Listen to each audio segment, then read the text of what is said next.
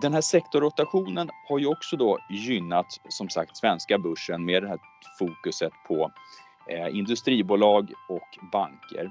Och jag tror att vi kommer fortsätta se det här mönstret, att det kommer vara ett flöde in i dessa två sektorer. Det här är Investera och agera, en podcast från Carnegie Private Banking.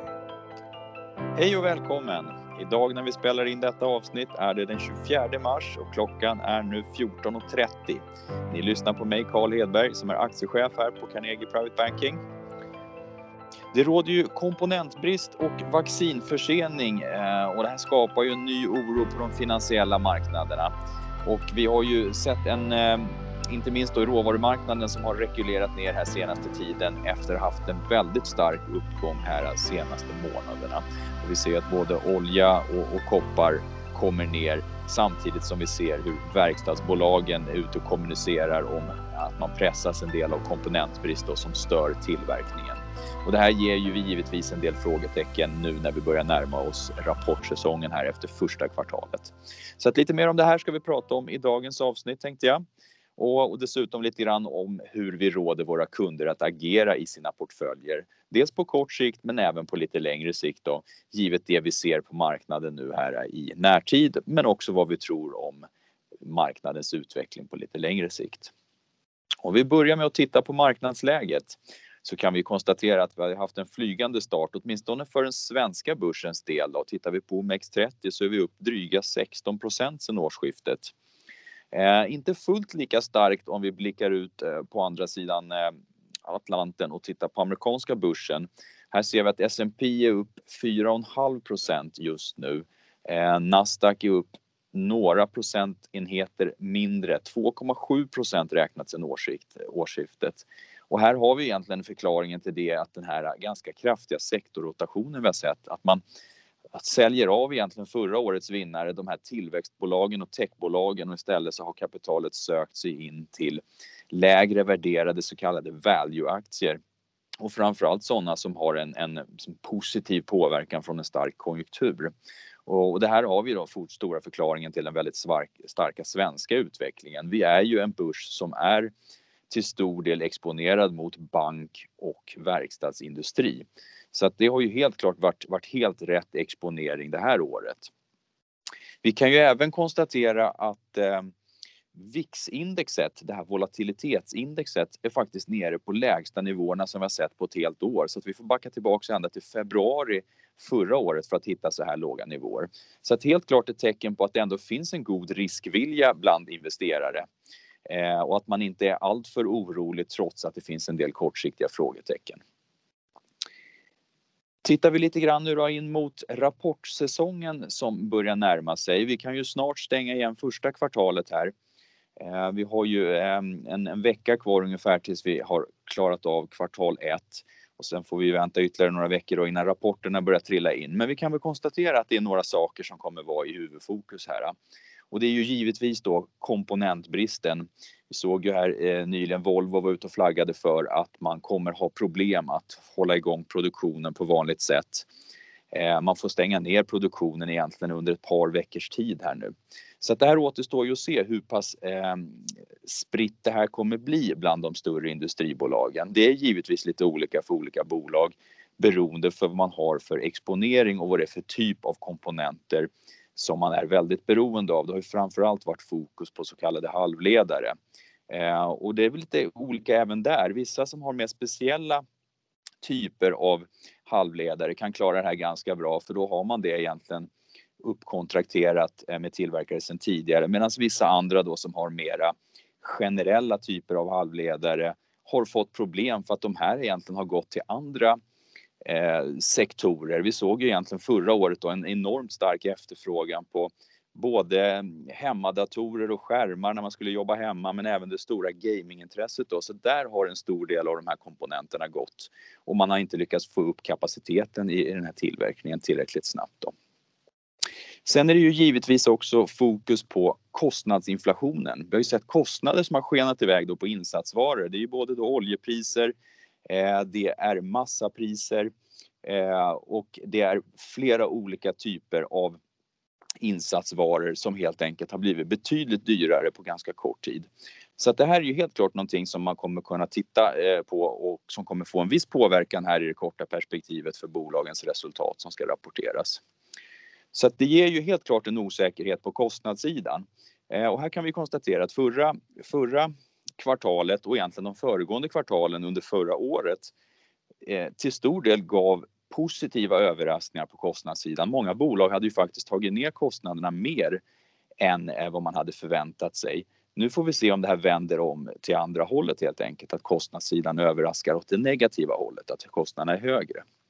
Det man dock kan konstatera det är ju egentligen att sån här eh, kostnadsinflation driven av en hög efterfrågan, det kan ju egentligen vara ganska positivt för att det innebär ju att efterfrågan är på en hög nivå. Så att i förlängningen behöver inte det här vara någonting negativt utan snarare någonting som skulle kunna tala för ett fortsatt positivt scenario. Men givetvis någonting som kan överraska kortsiktigt negativt då i Q1-rapporterna. Sen har vi även haft en hel del nya nedstängningar här senaste månaderna och eh, det är också en osäkerhet i vilken fråga eller vilken påverkan det har fått på efterfrågan. Nu har man ju dock i den här eh, nya vågen av nedstängningar och restriktioner varit mer selektiv och varit mer benägen att hålla igång företag och låtit personer vara på arbetsplatserna. Så att det har inte varit riktigt samma drastiska nedstängningar som vi såg i början på förra året. Men däremot så finns ju en viss osäkerhet i på vilket sätt det här har påverkat efterfrågan.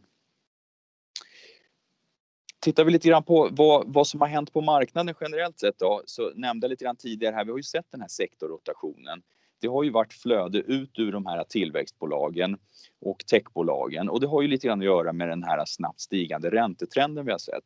Det är visserligen en eh, fortsatt väldigt låg räntenivå i absoluta tal, men trenden har varit uppåt i ganska snabb takt.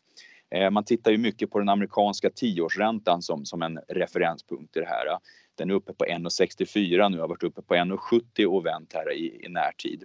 Eh, och den här var ju på betydligt lägre nivåer om vi bara backar tillbaks någon månad. Eh, men som sagt, räntenivån i absoluta tal är ju fortfarande låg och på de här nivåerna så ska det inte vara något problem för aktiemarknaden att räntan fortsätter att röra sig lite grann uppåt ytterligare en liten bit. Men vi får hålla lite koll på i vilken takt den här uppgången kommer helt enkelt. Den här sektorrotationen har ju också då gynnat som sagt svenska börsen med det här fokuset på eh, industribolag och banker. Och jag tror att vi kommer fortsätta se det här mönstret, att det kommer vara ett flöde in i dessa två sektorer. Dels att bankerna eh, gynnas av den lite stigande räntetrenden och att vi har industribolagen som gynnas av den här positiva konjunktursynen, att man räknar med att konjunkturen ska fortsätta att återhämta sig helt enkelt. Så att eh, även om vi har en stigande räntetrend som skulle kunna vara negativt i det korta perspektivet så är det ändå en indikation på att det är en bra ekonomisk återhämtning som vi fortfarande är inne i. Sen kommer det kunna vara så att, att eh, Q1-rapporterna har en viss osäkerhet i. Men det man får nog även räkna med att en viss del av den här osäkerheten spiller över in i andra kvartalet. Att vi inte fullt ut kommer se alla de här kostnadseffekterna eh, bara i det här kvartalet. Och vi kommer heller inte veta riktigt vilka bolag som har möjlighet att rulla vidare alla de här kostnaderna på sina kunder förrän vi har kommit ytterligare något kvartal längre fram här. Så att det här kommer vara en punkt eh, som kommer ge en viss osäkerhet under det här inledningen åtminstone av det här året. Då. Så lite grann hur vi agerar. Vad tycker vi man ska göra utifrån det här? Ja, jag tycker att på kort sikt så tycker jag att man kan fortsätta öka faktiskt lite kassa kortsiktigt. Det är inte helt orimligt att förvänta sig någon form av rekyl. Jag tycker att givet den här starka starten på året, 16 upp för OMX30s del, så bör vi kunna se någon period av lite lugnare utveckling. Kanske där eh, övriga börser kommer behöva närma sig lite grann och då får vi se om det är så att vi ska ner lite grann närmare eller om det är så att, att andra börser kommer ikapp. Men som sagt, en kortsiktig rekyl vore inte helt orimligt att förvänta sig. Därmed tycker jag man kan dra upp kassan lite grann. Eh, medellång sikt, ja, men då tycker jag då ska man försöka köpa på de här eventuella rekylerna när de kommer. Jag tror att det här mönstret är väldigt väl inpräntat i investerarna, att det har varit rätt att gå emot det här och köpa på rekyl. Och det tror jag kommer fortsätta gälla ytterligare en tid. På lite längre sikt, ja men då tror jag att det kommer vara ett positivt klimat för aktier. Dels för att räntan fortfarande är på absoluta tal låga nivåer och kommer sannolikt fortsätta vara så en tag till. Och jag tror att man från centralbankshåll kommer vara ganska måna om att hålla räntan på hyggliga, hyggligt låga nivåer för att inte bromsa in den här återhämtningen och skälpa de finansiella marknaderna. Så att jag tror att det finns ett litet eh, centralbanksstöd som kommer kunna gynna aktiemarknaden om ränteutvecklingen blir för stark helt enkelt. Och sen har vi också då den här stigande vinstförväntningstrenden. Att så länge vi tror att bolagen kommer fortsätta att kunna öka sina vinster, så länge det ligger i analytikernas förväntningar så tror jag att då har vi ett stöd för aktiemarknaden. Så att eh, på lång sikt tycker jag man ska fortsätta vara positiv till aktier. Och eh, lite grann vilka sektorer man kan titta på. Ja, men jag tror som sagt man ska fortsätta att, att investera med den här trenden. Att det är fortfarande lite motvind för tillväxtsektorn som helhet. Eh, sen ska man inte utesluta alla bolag i de sektorerna för att det finns ändå en hel del intressanta bolag där. Eh, jag ska återkomma lite grann till det. Men jag tror som sagt trenden är fortfarande flöde in i, i lägre värderade värdebolag, framförallt de med en konjunkturell eh, påverkan, de som gynnas av en fortsatt ekonomisk återhämtning. Så att, eh, här är ju helt klart då vår svenska verkstadsindustri intressant. Sen är det ju givetvis så att det kommer inte vara alla bolag i den här sektorn som är intressant att investera i. Många bolag har haft en väldigt stark utveckling och vi kan ju tycka att värderingarna har sprungit på lite väl mycket. Så att eh, det finns faktiskt en del att, att eh, titta på här där man kan titta på bolag som är helt klart intressanta att köpa, där det finns ganska intressanta omvärderingsmöjligheter, att eh, de handlas till ganska stora rabatter mot andra bolag i sektorn. Och på samma sätt då så finns det intressanta bolag att använda som finansieringskällor här, helt enkelt de som har lite för höga värderingar givet de vinstförväntningar som finns och att man har prisat in lite för mycket, vad vi tycker i alla fall, av kommande eh, utvecklingsmöjligheter. Så att eh, här tycker jag man ska prata med sin rådgivare på Carnegie och höra lite grann om vilka specifika aktier vi gillar i sektorn och vilka vi tycker man kan utnyttja som finansieringskällor för de köpen helt enkelt. Men som sagt, tillväxtsektorn ska man inte glömma bort helt och hållet. Jag tror att det finns eh, en hel del intressanta case ändå här. Eh, men det blir ju mer selektivt då, mer stockpicking. Och här tycker jag framför allt att man ska titta på bolag som har en möjlighet att, att växa via förvärv. Det tror jag där det finns stora möjligheter att överraska. Så att även här, prata med din rådgivare så ska vi kunna plocka fram en hel del intressanta aktietips på, på det området också. Eh, jag tror att vi nöjer oss där för idag helt enkelt och säger tack för att du har lyssnat så länge. Vill du veta vilka aktier och investeringar vi tror på?